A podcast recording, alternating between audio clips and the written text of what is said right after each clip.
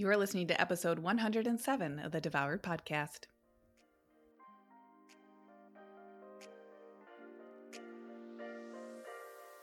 Welcome to Devoured, the podcast for women ready to release the title of Dieter for Good.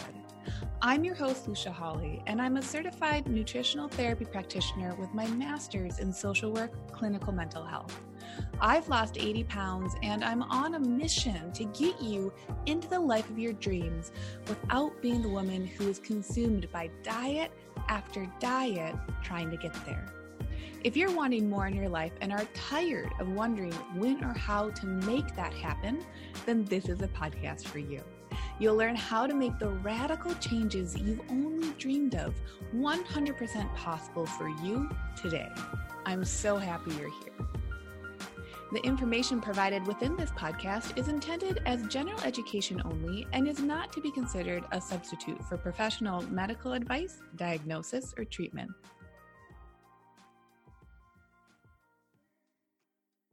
Well, well, well, welcome to another episode of the Devoured Podcast. I am so very happy you are here. I am now recording these episodes on Friday mid mornings, and I have been recording them on Mondays.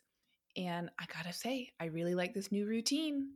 Just inviting you into my little process. It feels really fun to have the whole work week to be thinking about the subject. Back in like January, I had planned out uh, about four months worth of podcast episodes. And then once quarantine hit, I decided, eh, which basically coincided with having recorded and released all those planned episodes, I decided that um, I kind of had the flow under under my belt and I could go with the flow of what I found my clients, my community, those who listen to the Devoured podcast, who are on the newsletter, who hang out with me over on Instagram, in the Facebook group, all the good things, the women of Lean and, Lean and Liberated. I realized like, um, I think I can trust my downloads by the end of the week and really offer subjects that I think would be helpful and it's just been such a fun flow for me. So I wanted to share that because I think that makes a big difference. And I know that a handful of you, at the very least, who listen to this show are also business owners yourselves. So I think it's important to share that guess what? Your flow can change. and that's normal, it's to be expected uh, when it comes to your work priorities and your work duties. And I think, um, if we resist. So I have been recording episodes on Mondays and then that was slipping into Tuesdays because Mondays got really busy with these other things. And I was feeling like I was in the in between of like, oh my gosh, my episodes are not what I want them to be because I just kind of hit record and go and then get them to be edited and then they get posted and it's like good enough. I was getting into a cycle of good enough versus feeling like I could create the space for myself to take not even that much more time. Okay. Like, I like how I record these episodes, but to have the thought that would give me the feeling that I wanted to come into recording each episode with. So, switching from recording on Mondays slash Tuesdays to Fridays really has offered me just a, a breath of fresh air. So I encourage that for anyone who has been feeling challenged or feeling uh, like there's a little bit of trickiness in your schedule, work or beyond, entrepreneur or beyond, want to offer that with so many of these subjects that we do talk about on this podcast, I am there, like right there with you. There's nothing special going on here. And it just takes a little dose, a little exposure therapy to the idea of what could happen if you trust yourself. And that doesn't mean that we don't trust ourselves in other buckets of our lives, other silos, other areas and arenas, but it might mean that we could bring some focus and bring some attention to any of the thoughts that might not be serving us, that we could do the work lovingly of creating conscious thought around some of those thoughts because a lot of the thoughts that don't serve us are subconscious, by the by. Bringing those from subconscious thought into conscious thought, being with them, processing them, figuring out what the new thought or thoughts could be that would support us in having the feelings and taking the actions and getting the results that we actually want. Fancy that, right? So, that's been part of my process with the podcast. And it's just a sunny, beautiful Friday. I'm excited to work for a few more hours, hop on a discovery call with a new client who's interested in Lean and Liberated, and then enjoy the weekend with my boo. And I'll add one more thing as a check in. I've been taking Instagram off my phones over the weekend, and Instagram was such a lifeline when there was so much happening in Minneapolis with friends and loved ones um, back at the end of May. So I very much love and appreciate Instagram. And I also created a pretty big habit of checking it really, really consistently, even during times off. So it's been, again, another breath of fresh air to take that platform off of the phone for the weekend. You do you know you can do that? I've told a few people they're like, "You delete the app?" Off of your phone? Yeah, y'all. I straight up delete the app off my phone and I can re download it come Monday morning. It's been really wonderful. So, today's episode, speaking of, this is, you know, this episode is a little bit different. I try not to talk about myself too much aside from those two big episodes I did do about my story recently, episode 100 and then I think 104, 103. Lucia's story, part one and part two that's where I really wanted to download a lot of my story. But I have to tell you, as I just said, where I'm in the muck with you, I'm in the uh, victories with you, I'm in the sorrows or the furrows, I'm there with you. I want to talk about coffee, cafe, a cup of joe, morning sludge. I have to talk about coffee because I, and this is not a new subject for me, I have such a relationship with coffee and I will proclaim that many of you do too. And I think a lot of us have a relationship that is, we have some subconscious thoughts around that we don't even know we're thinking about our dearly beloved coffee. Some of us totally do. And some of us have this kind of love hate relationship with coffee. And um, I think we got to talk about it. So, what we're going to be doing, I'm going to tell you a bit about my experience. And then I wanted to pull up, I posted a poll on Instagram and I asked people, like, what would you like to hear about coffee, stress, hormones, weight loss, etc because I think it's high time that we carve out some more space to be talking about our relationship and our reliance with stimulants. Now, as I talk about my experience, I want you to remember that everyone is individual. So I'm looking at this with a certain lens. But that being said, I do think, because of how communities work and function, I do think that probably a handful of you are aware of your thyroids or you have uh, thyroid considerations. Maybe a handful of you have Hashimoto's or you've had thyroid cancer, you have, have had your thyroids removed, you've had or you currently are taking different medications for your thyroid, or you've been told that there's nothing that can help support your thyroid. Maybe you've been told that your weight loss is, or your weight gain more specifically is correlated with your thyroid, and there's nothing that you can do to support your thyroid health from a diet and lifestyle perspective. And I was just chatting with someone in the DMs, and if you're listening, you know who you are. I was just chatting with someone who said that their doctor, this person has Hashimoto's, and they said that their doctor, uh, who's ordering the lab work for the Hashimoto's, which is great because there can be conversation there too, their doctor said that there's nothing to be done from a diet and lifestyle perspective in terms of the progression of Hashimoto's. And Hashimoto's, for anyone who doesn't know, is an autoimmune condition of the thyroid. Those people who have Hashimoto's, and I am one of them, can experience a range of different effects from that autoimmune attack on the thyroid. Now, here's the thing what I want to say before I get into coffee, which we'll come back to coffee in a second, what I want to say, because I was just you know, I get in my health and wellness, alternative wellness bubbles where for so many of us, we believe because we've lived it or we have seen the lab work or we just understand with our clients, with our loved ones, that the way to support your thyroid is through diet and lifestyle. So to just hear that it was reinforced that there are still medical practitioners, and I love them for how they can support people, but I think this is an area where there is definitely room for more growth. To hear that there are still medical practitioners to this day who say that there is no evidence that diet and lifestyle affects the health and expression of your thyroid or a disease, an autoimmune expression of that thyroid is so highly disappointing because there are studies there. You do see clients who make dietary changes, who make lifestyle changes, whose levels of antibodies dramatically reduce and when you have Hashimoto's, you have that autoimmune attack. There are antibody levels that you could be looking at. So you can see point blank is there a higher level of attack on my thyroid or a lower level of attack on my thyroid? And I personally have experienced that.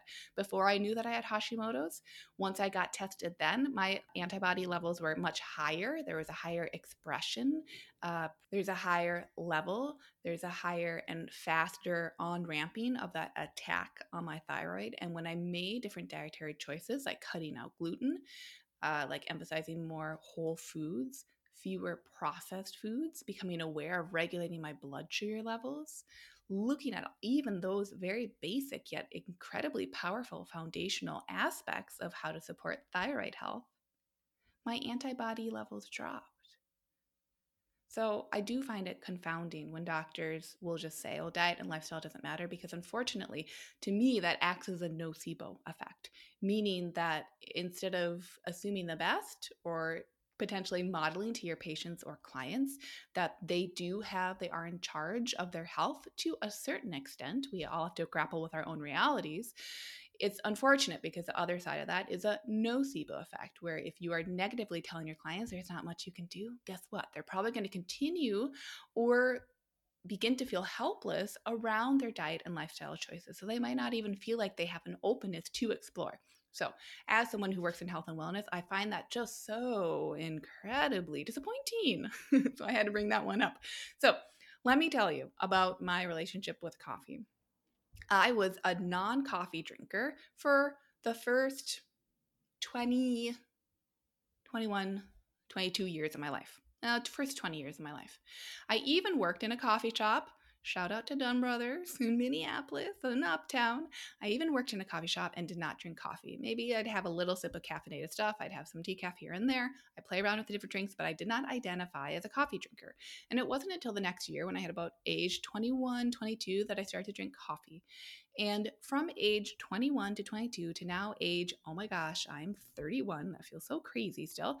Though for the last decade, my identity slowly shifted into being a coffee drinker. Now, not a coffee drinker who could drink like three triple shots of espresso because I also identify as someone who is anxious, a little more sensitive.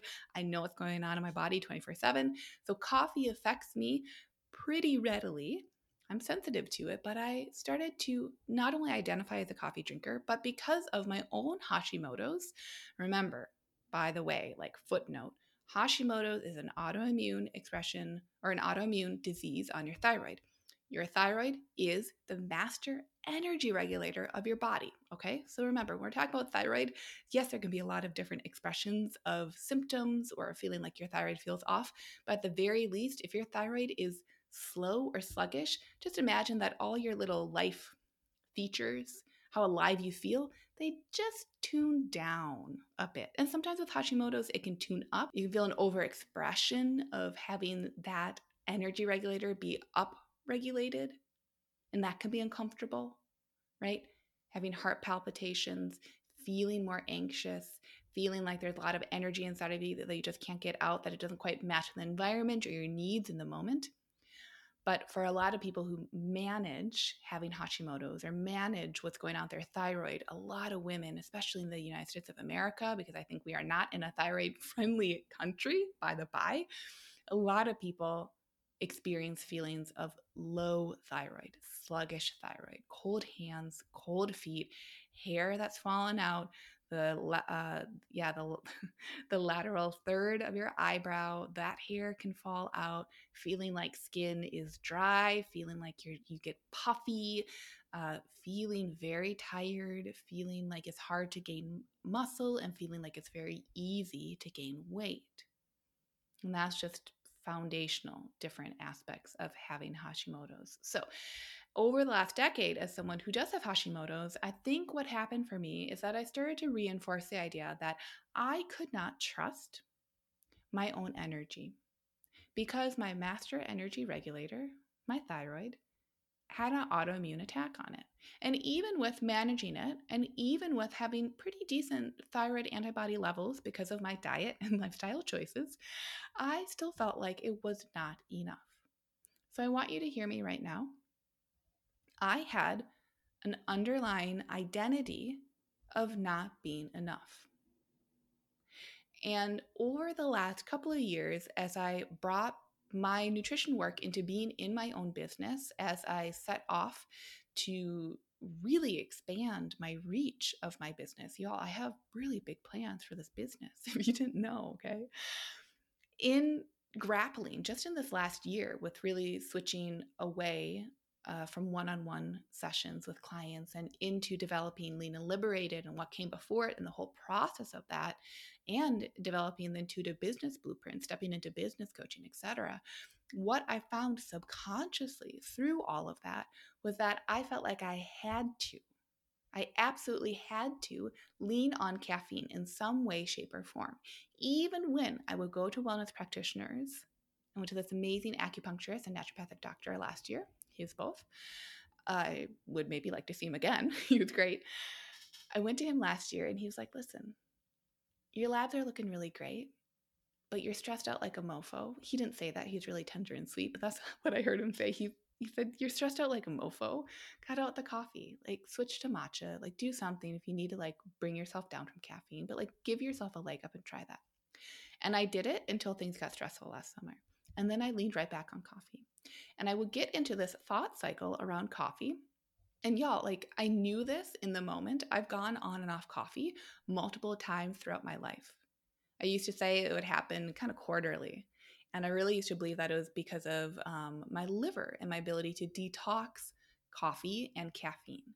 And let me now add in here that I believe for myself, and remember, not a medical practitioner, not telling you what to do, just sharing as a human, a human who has a body who does that does body stuff.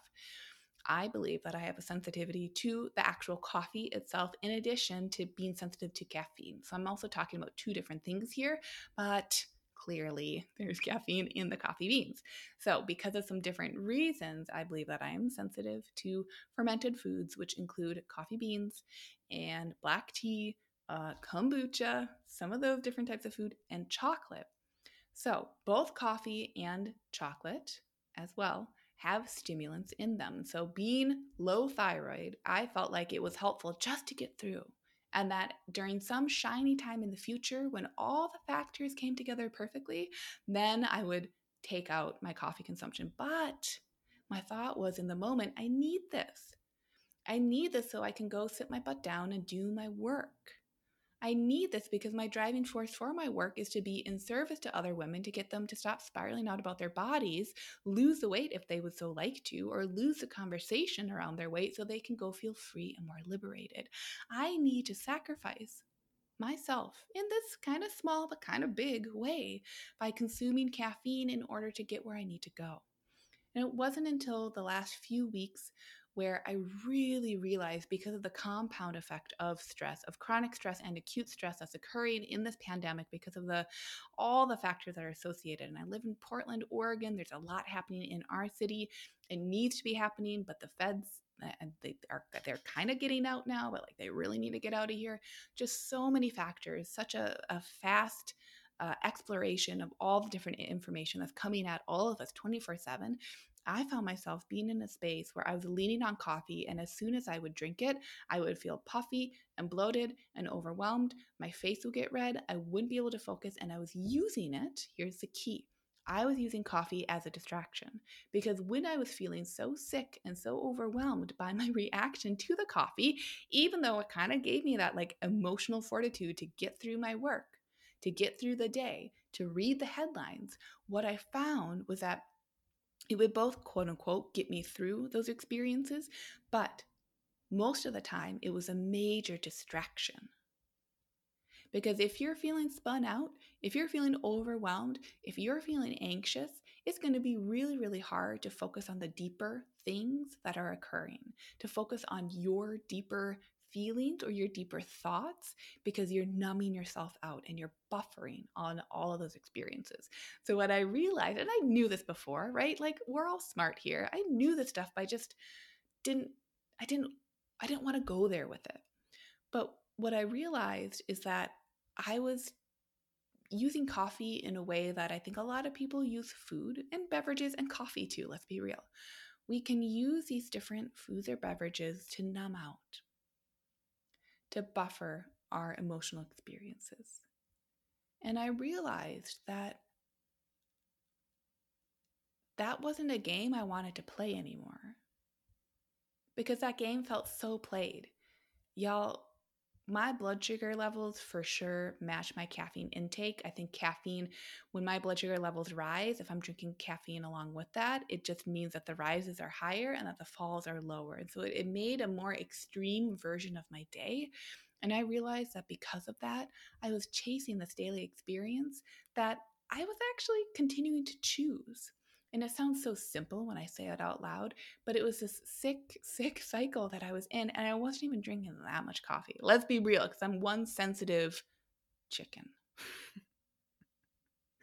I'm just one sensitive little thing. So, with that, I made a decision. So, with that, I made a decision last week to be done with coffee because it was not serving me in almost any of the ways that I truly value for myself as a leader, as a business owner, as a human, as someone who's concerned about her health, as someone who's experiencing chronic stress right now. All the different silos where I could say, like, yay or nay, does coffee work for me or does it not? Uh, it didn't. it didn't work in any of those silos. So I did the one thing that I would never reinforce for my clients, and I went cold turkey. And let me tell you, the coffee detox was real. It was so real. And I'm pretty much on the other side of it. And what I'd like to say now, the coffee detox included headaches and included feeling kind of flu like, which when you're worried about getting corona, you're like, OMG, what is happening here? But being on the other side of coming off of the coffee, and let me also add in, I've worked with clients to have them come off a of coffee, and the best way to do it, if you're curious about it, is to take a month, get your caffeinated coffee, get your decaf coffee. what you're going to do is week one, you're going to drink your caffeinated coffee. And then week two, you're going to split it 50 50 with your decaf. Week three, you're going to split it one part caffeinated to three parts decaf.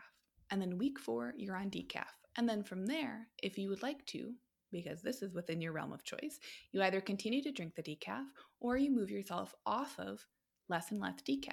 And you either choose water, electrolyte rich water, you maybe choose other beverages, maybe you choose an herbal tea or decaffeinated tea, maybe you just don't worry about it but you provide yourself options from there. So that's what I'd recommend for anyone because I did put out an Instagram poll and I'm going to address your questions. I got some really awesome ones. I did uh, wanted to put that out there that you should not do what I did, but I did it because I am a silly monkey and that's what I decided to do because I wanted to rip the band-aid off. Here's the thing that I also want to add in. In March, um, I decided to come off of chocolate because I was having a very similar experience. And these two foods, I'm talking about them, it feels kind of vulnerable to talk about them. These two, well, food and beverage, coffee and chocolate, are the two foods that I felt like were, they were like, I had this relationship with them where they were my vice and I was choosing them because I was being, it wasn't even being so quote unquote good with all my other food, but other things just I kind of felt like, you know, in the grand scheme of things, I don't, I haven't had a drink in months. I don't drink. I am pretty low dairy because that feels good. I don't drink because drinking feels really bad in my stomach. Uh, I don't eat gluten. Like, I don't eat MSG, don't drink wine, get migraines. Like, I'm so aware of my body. Most of those things don't feel like a big deal. But the times before, and this is key, the times before that I tried to cut out, and that term is key too, I tried to cut out coffee, tried to cut out chocolate. It felt restrictive. And because I believe in consuming foods from a place of liberation, I knew I just didn't have my thoughts around what was happening. They weren't quite up to speed or up to par.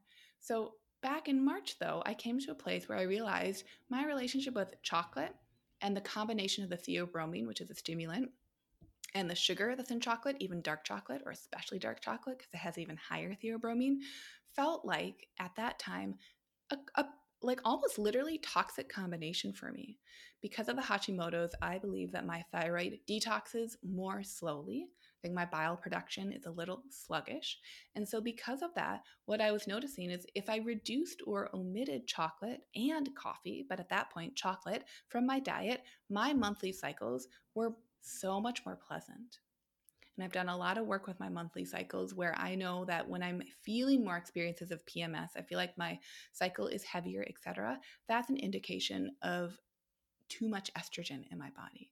Not because I'm overproducing estrogen, but because I'm under detoxifying old used estrogen metabolites. So why not do myself a favor and help reduce that burden on my liver? So that's how I came to reducing chocolate and taking chocolate out of my life. It was out of my life for three full months, no big deal. Did not feel like an emotional anything until last month. And then I was ready to bring it back in and experiment. And here's what, where my experiment led me I feel bonkers when I have chocolate and when I have coffee. And I do not like the actions that I take, I do not like the thoughts that I have when I have those throughout my day. So I really had to do the thought work of and the identity work of saying i'm not the person who is choosing to restrict chocolate and coffee and then being restricted because she can't have them. I don't want to be that person. I want to get curious about the thoughts and ways of being that i could acclimate and start to like be in the arena with where i could be the person who loves coffee who loves chocolate and who recognizes that 99% of the time they don't fit into her life. And let me tell you, that tweak is incredibly freeing because now that I'm on the other side of that damn coffee detox, which was really hard. Again, do do the plan I outlined. Don't do cold turkey, please. now that I'm on the other side of that, this is the identity that feels so natural and it feels so easy. But when you're stuck in loops of being, especially when they're reinforced by a stimulant, and so you feel a physical need to continue to reinforce it because it feels physically more comfortable, even when you're anxious and you feel like a wreck, it feels more predictable.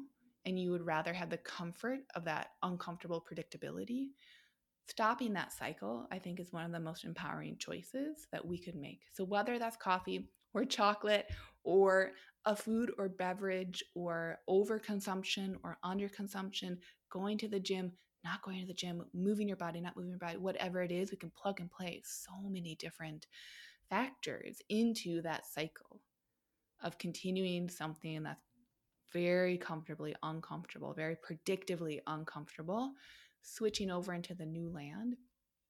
If we can help ourselves by doing the thought work at first, like prior to it, of saying, oh, I'm enough to handle that challenge.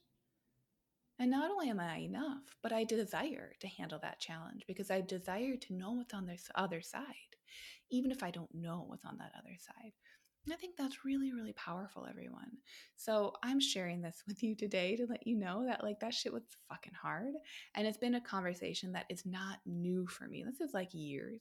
Okay. It's so many years. But what feels new this time, and maybe it's being in chronic stress and just not like not wanting to humor myself around that anymore. Being like, that's so old, Lucia, that you're having like you're feeling anxious because you drank coffee and I need to go take a nap, but you feel like you can't take a nap because you have this like work stuff that you are passionate about, about doing, but you now you have a headache and so it's hard to look at a screen. Like I got so sick of having that conversation with myself that I decided to do something about it. So I wanted to share all of that with you just in case it resonates. Okay. So now I want to shift the episode a little bit. Let me add in coffee a, conversation around coffee and fasting and weight loss. And then I want to answer, there are about four ish questions that came in from the Instagram question box that I put out.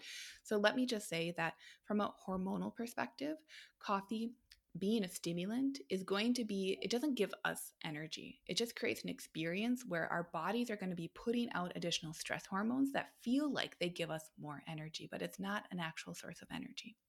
So if you are someone who is low thyroid, or you're just uh, with a lot of stress right now or you feel like you can't quite catch up with your days and or you're looking to lose weight you have to you 100% have to get your hormones in check Now, if you do that from a place of restriction, like I just talked about for the last 20 minutes, that's going to feel like bullshit and you won't implement it into your life.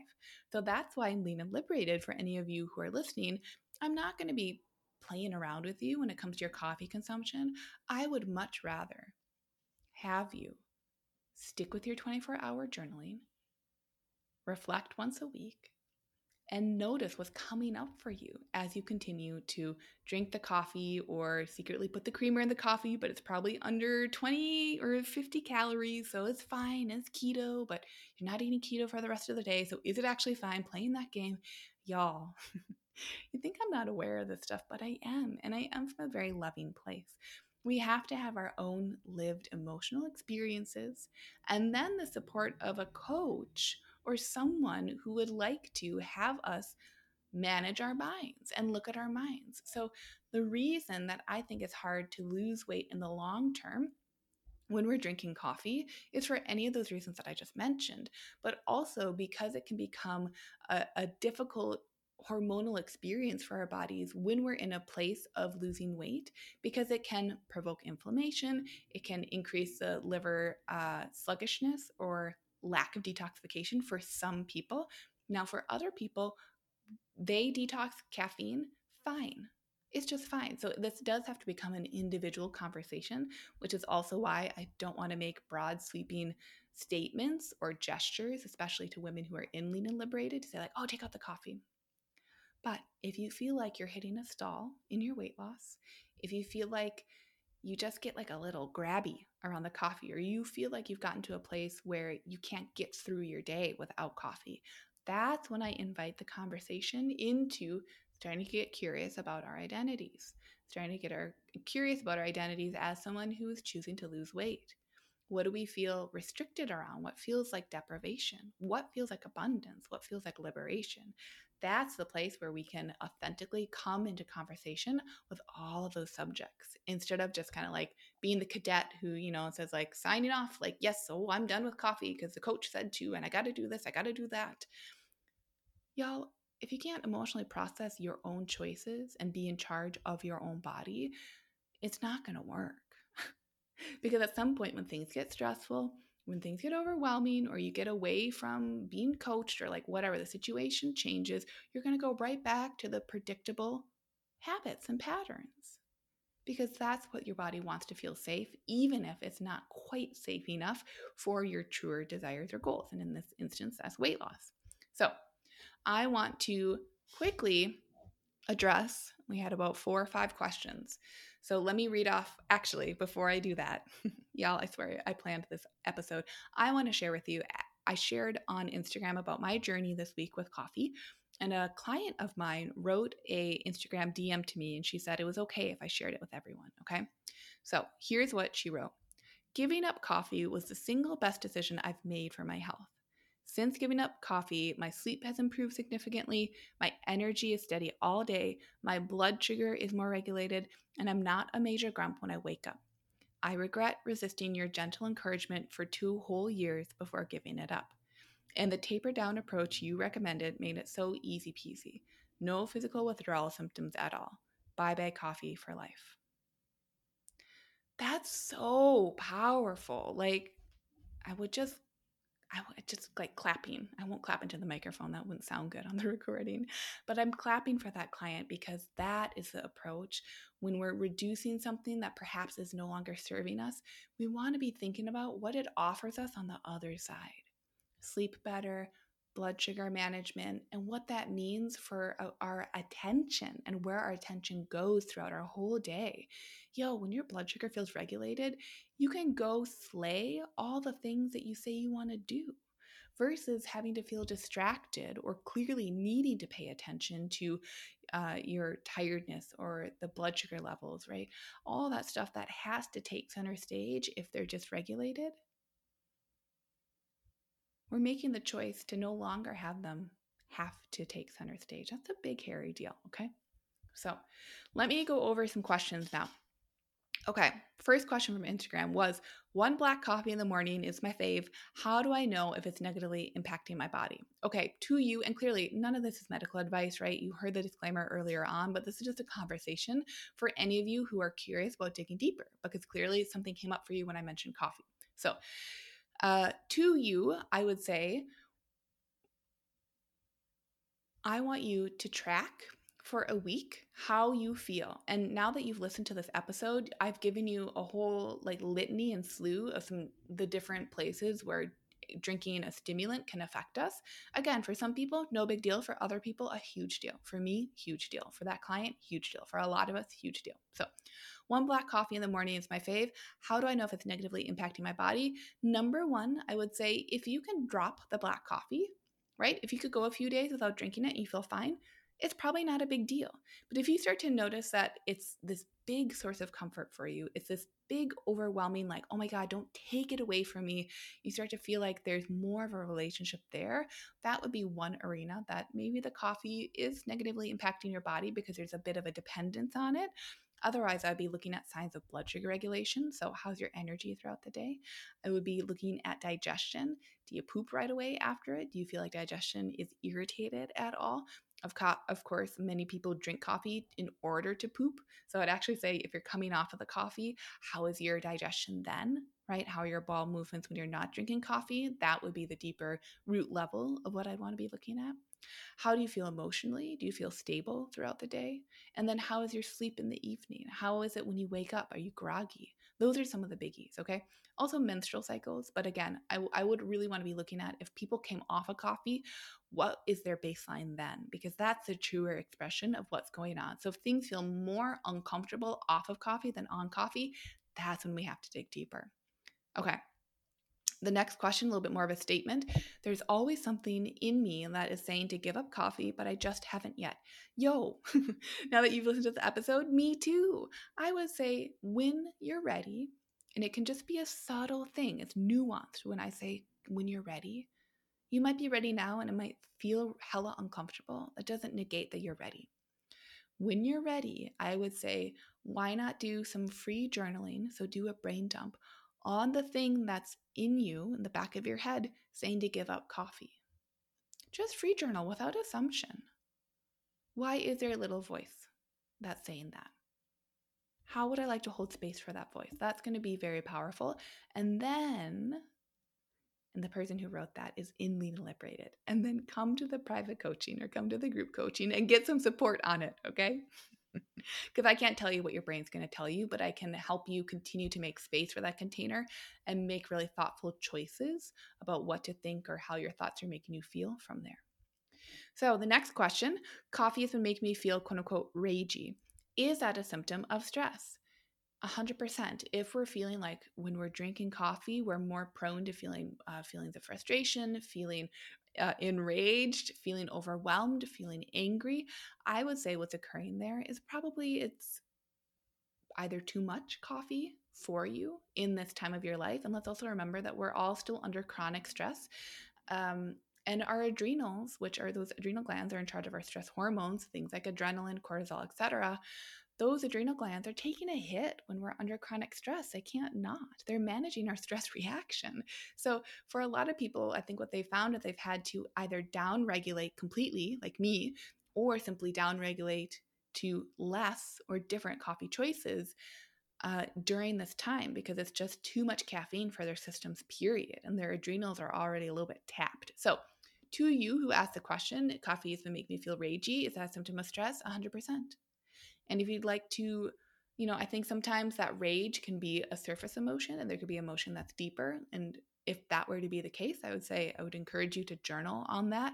But if it's more closely correlated with like drinking the coffee and then pretty soon after you're feeling like you've got some rage going on, I would actually look at that from a functional physical standpoint first. I know I get really curious. Okay, if I start to down ramp, downgrade how much coffee I'm having, and if it's available to you, any coffee, do I still feel rage? I would just say that that is a symptom of stress and that we'd want you to be encouraging nourishing activities that are supportive of the adrenal glands. So, making sure you're getting in enough salt, right? Getting in electrolytes, making sure you're getting curious about your sleep. Do you need naps right now? Yo, I think a lot of us need more naps than we'd like to admit as adults. Sure, maybe in the long term, we don't want a nap, but like, we're just in stress. I can't stress that enough. It's okay that we're humans who are having a stressful experience right now.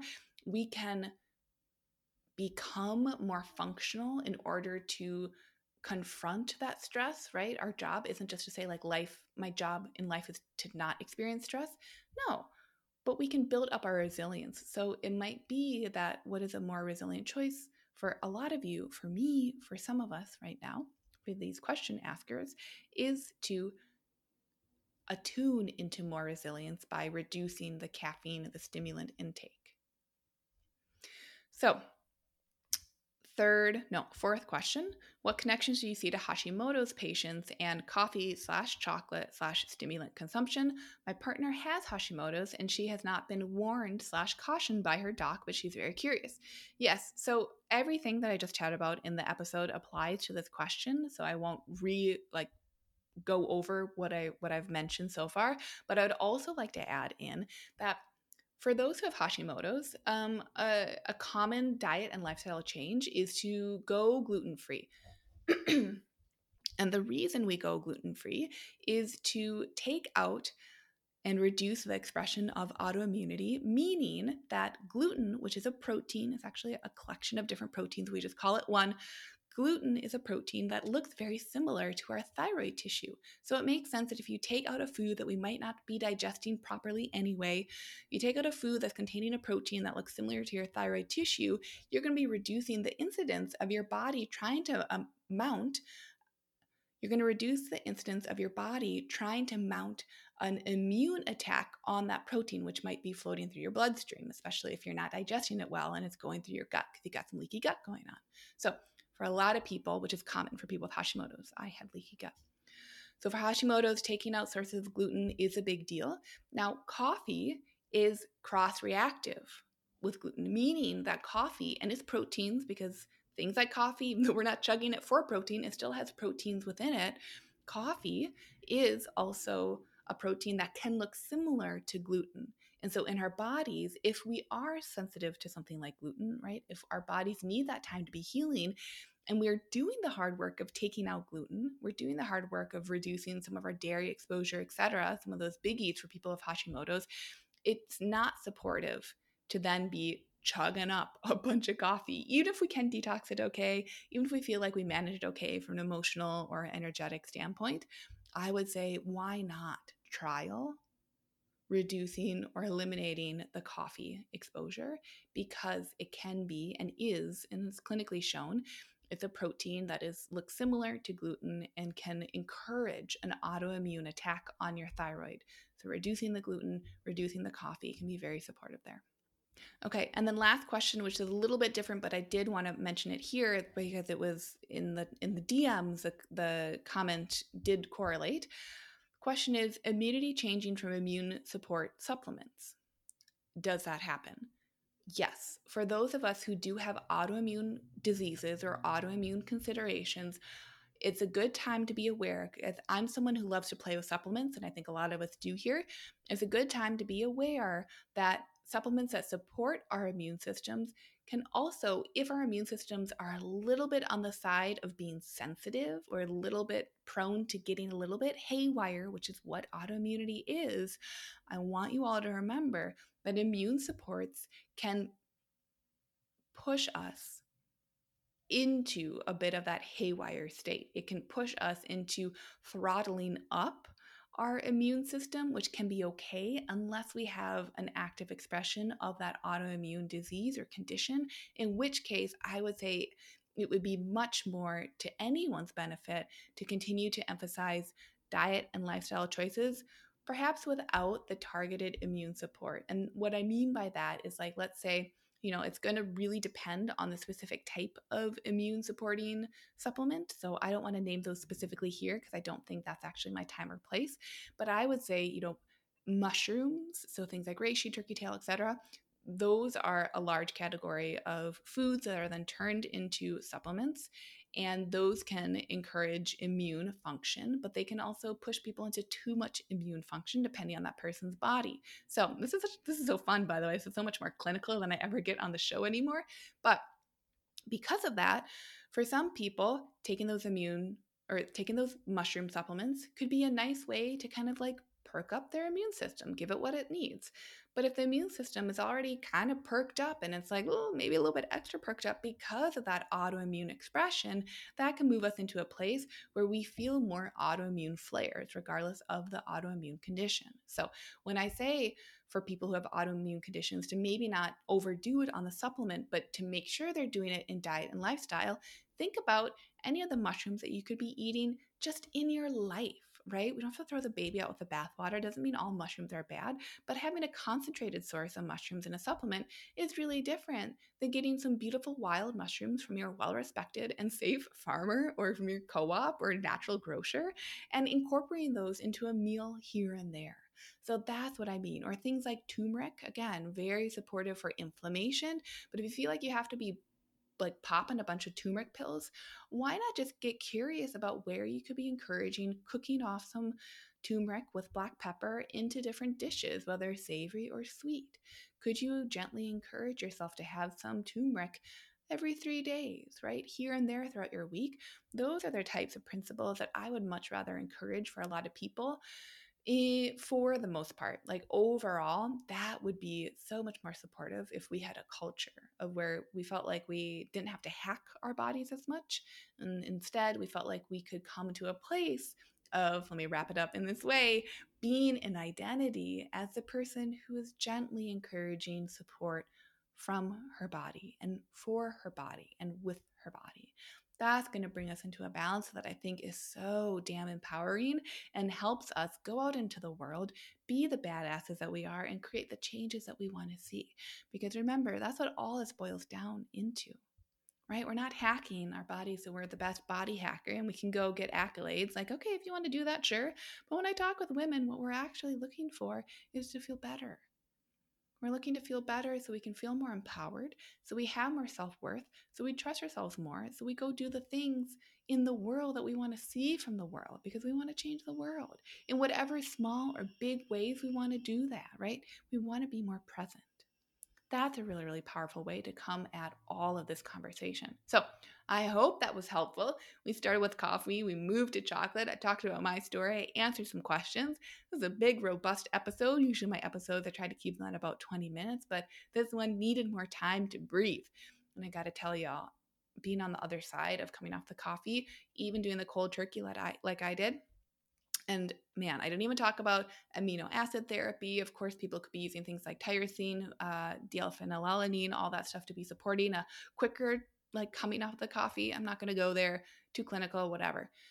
Just know if you want to make a change, if there's something in the back of your head, you can trust that.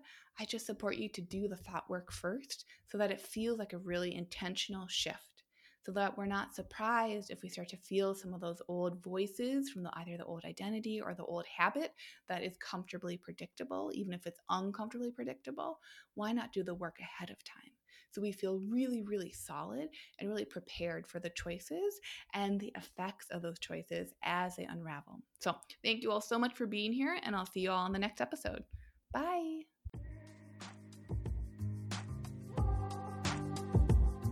Okay, everyone, that's all for this week. Thank you for listening to this full podcast episode.